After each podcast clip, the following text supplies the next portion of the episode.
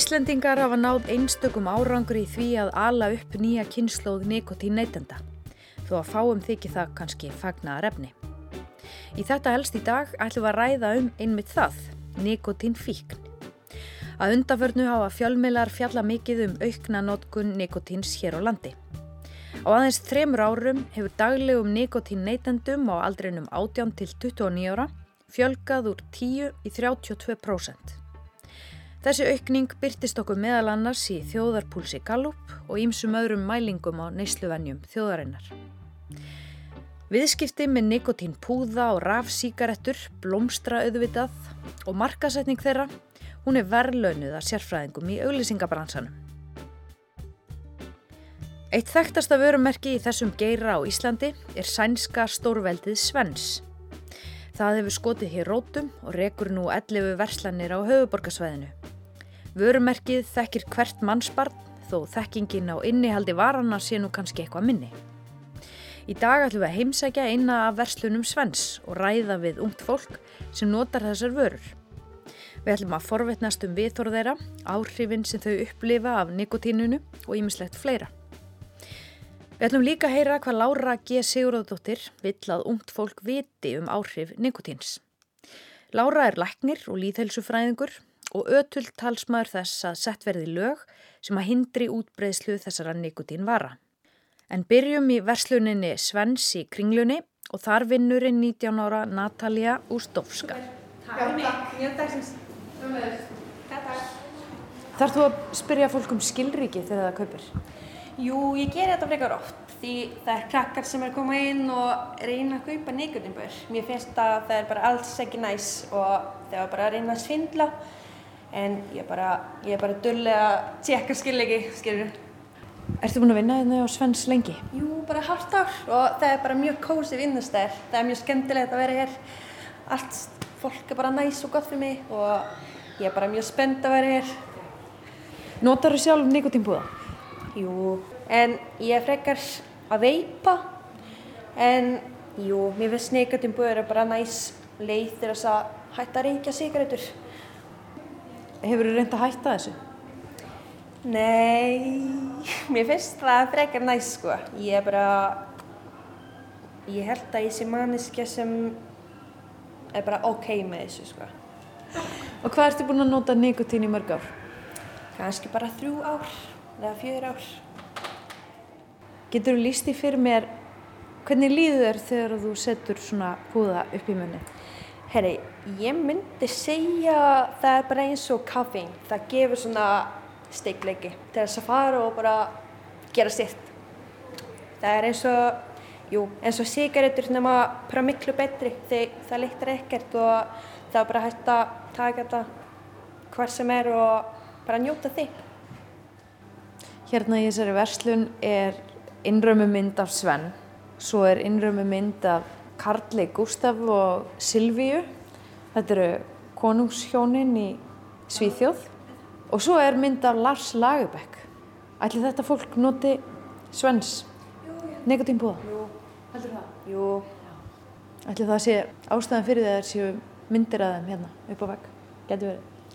Það getur verið, sko. Ég er ekki viss. Eftir stutta viðveru í versluninni Svens rakst ég á annan starfsmann sem var reynda bara að koma og kaupa sér nikotín. Það var hann Ísak Dervik sem er 21 árs og hefur starfað hjá Svens í fjóra mánuði. Hvernig líkaði þér? Var mest að frábært sko. Alveg góð, góð vinna, skemmtilegt fólk. Bara dæl. Þú ert að sækja þér hérna nikotín? Jú, ég er að sækja með veip hérna. Þeim múið spáfæðina. Þetta er bara svona einlanda steiki.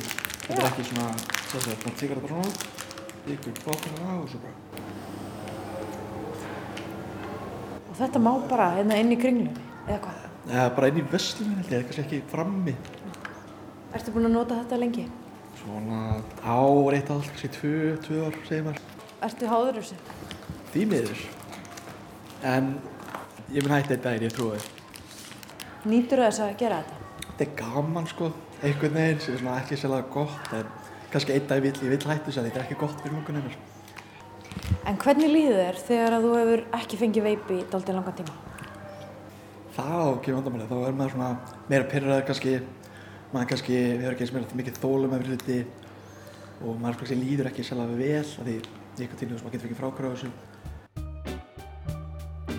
Lára G. Siguradóttir er læknir hjá S.A.A. og doktor í líðhelsu vísindum. Við spurðum hana hvað henni þætti mikilvægt að ungir krakkar viti um áhrif nikotíns. Ég held að það sé mikilvægt að hugsa í raun af hverju byrja maður að nota þessa vöru. Er það þrýstingur frá vinum, vil maður falli í hópin ef það er eitthvað til að auka einbyttingu eða líða betur að þá er mikilvægt að vita það að e, þessi áhrif eru vara mjög stutt og e, það verður mjög hröð breyting sérstaklega í heila barna og ungmenna sem hafa ekki þróska tögakerfi en tögakerfi er að þróskast upp til 25-30 ára aldurs þá getur það breytt varanlega taugatengingunum á verri veg. Þannig að menn maður verið á erfiðar með að hafa stjórnatilfinningum sínum það getur verið meiri kvíði maður getur verið dabrari og leiðari maður getur farið að sofa illa og ekki ná jafn góðum sefni og ég held að það sé mikilvægt að vera bara í raun meðvitar um hvað nikotín hefur viðtak áhrif á heilsumanns til verri vegar því að leiðum að byrja að nota nikotín þá þarf kannski bara nokkuð skipti til að maður verði alvarlega háður í og uh, geti svo ekki hægt.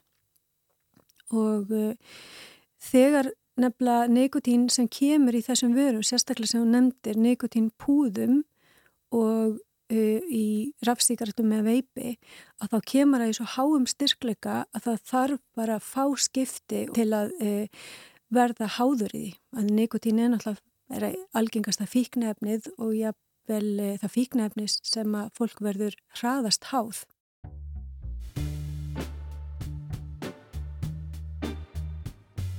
Förum aftur í Veslun Svens í kringlunni.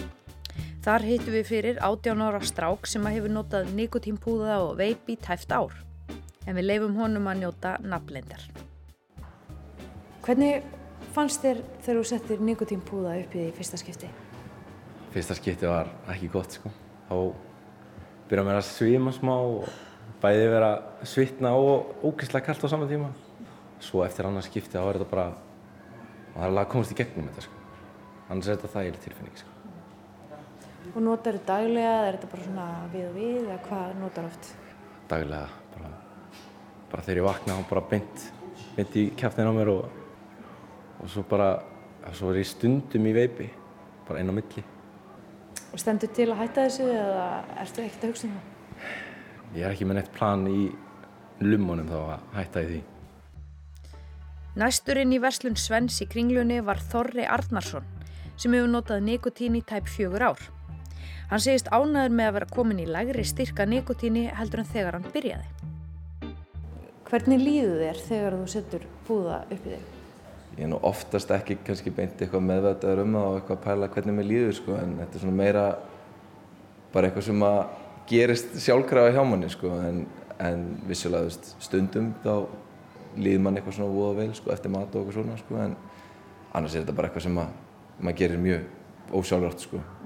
En getur þú líst frákvörfanum af þessu? Hvernig líður þegar þú hefur ekki fengið nikotín í svolítinn tíma? Sko þá líður mér mjög kjánalega sko þetta er svona maður hugsaður um þetta bara veist, oftar og oftar því lengur sem líður frá því að maður notar þetta og þá er ég svona, ah, voðalega, er þetta asnæðilegt að vera svona háður sko, en veist, það er ekki, er ekki vannlíðan beint eða neitt þannig en maður er rosalega meðvitaður um það samt og, og er svona einhvern veginn alltaf að hugsa til þess hvort maður sé með á sér eða hvað, þú veist. Finnur einhver áhrif, einhver neikvæð áhrif á líkamannum á notkun eh, nikotínsins? mm, Nei, í raunin ekki sko, þú veist, ég, eða, þú veist, ég veit náttúrulega ekki kannski svefn en ég er með lítinn krakka oftast uppi hjá mér sem er að sparki mig þannig að ég geti líka alveg sett kannski sökina aðeins á hann sko en mér finnst þetta oft hjálpa mér, þú veist, eins og bara með einbindingu og okkur svoleiðis en ef ég hefði ekki byrjað á þessu þá hefði ég kannski ekki þurft þetta fyrir betri einbindingu. Nei, ég finn enga aukaverkanir á þessu í rauninni, ekki sem að ég átta mig á allavega sko.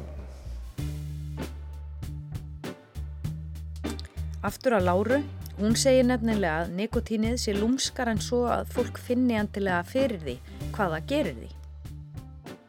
Þannig að krakkar sem kannski tala um að þau finna ekkit mikið fyrir neikvæðum áhrifum á líkamann, getur verið að þau séu samt að verða fyrir neikvæðum áhrifum? Já, af því að heilin er bara þannig að gerður, hann aðlagast. Þið veitir, fyrst þegar flesti fór sér nikotín, prófa nikotín, þá koma klassisk eitrunaringin kynni fram, ógleði, uppkast og líður jafnveg liðu fólk. En af því að e, nikotín losar aðeins dopamin tímabundið, e, þá tengir heilin nikotínið við velíðan að það í raun veitir ákveðna tálsin um að það sé gott fyrir okkur af því það hefur þessi áhrif á fíknistöðunar í heilunum líkt og önnur fíknefni. Þannig að þessi krakkar sem að finna og tala um að þetta veitið þeim ákveðin svona kraft til að fara og gera hluti, hjálpið þeim aðeins með innbyttingu þegar þau eru að læra, mm -hmm. að það segir þú að séu kannski bara skamtíma áhrif en hinn raunverulega áhrif séu þeir öfug.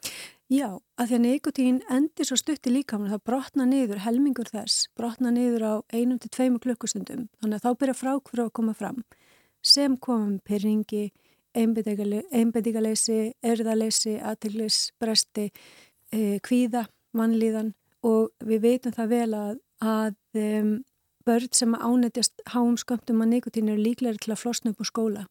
Svo mikil er einbedígar aukningin. Mm í sumar það kom út skýrsla, dönsk skýrsla um áhrif af þessum nikotínvörum og þá talar þú um í fjölmjölum að þetta væru efni sem hefðu óhugnanleg áhrif á taugaþroska og heilastarfsemi. Já, að því að núna er til dæla stutt síðan þessi, þessa nikotínvörur koma markaðin en við vitum bæði út frá síkarettu, rannsóknum á síkarettu, notkunn og dýraransóknum á nikotíni sem eru mjög góðar til þess fallna til að skilja líffræðina. Þannig að við sjáum það að e, það verður, verða lélegri e, samskipti á milli í raun framheilans, það sem að domgreind og raukuksun er, við þá dýbri svæði heilans til að hafa heimil á kvötunum okkur og stjórna tilfinningum og í raun e, bara takast á við umhverfi á daglegt líf. Þannig að til lengdar að þá fer í raun lífið að snúast um það að við getum ekki notest nema við séum alltaf með nikotín í taugamótonum eða í heilanum og um, við eigum einni þá erfiðara með að uh, bara í raun og róa sjálf okkur í kvíðavaldandi aðstæðum og uh, svæði djúft í heilanum þar sem að kvíðin er, verður, hérna, það svæði verður virkara og uh, og svona við komumst eitthvað auðvöldra með að komast úr jafnvægi.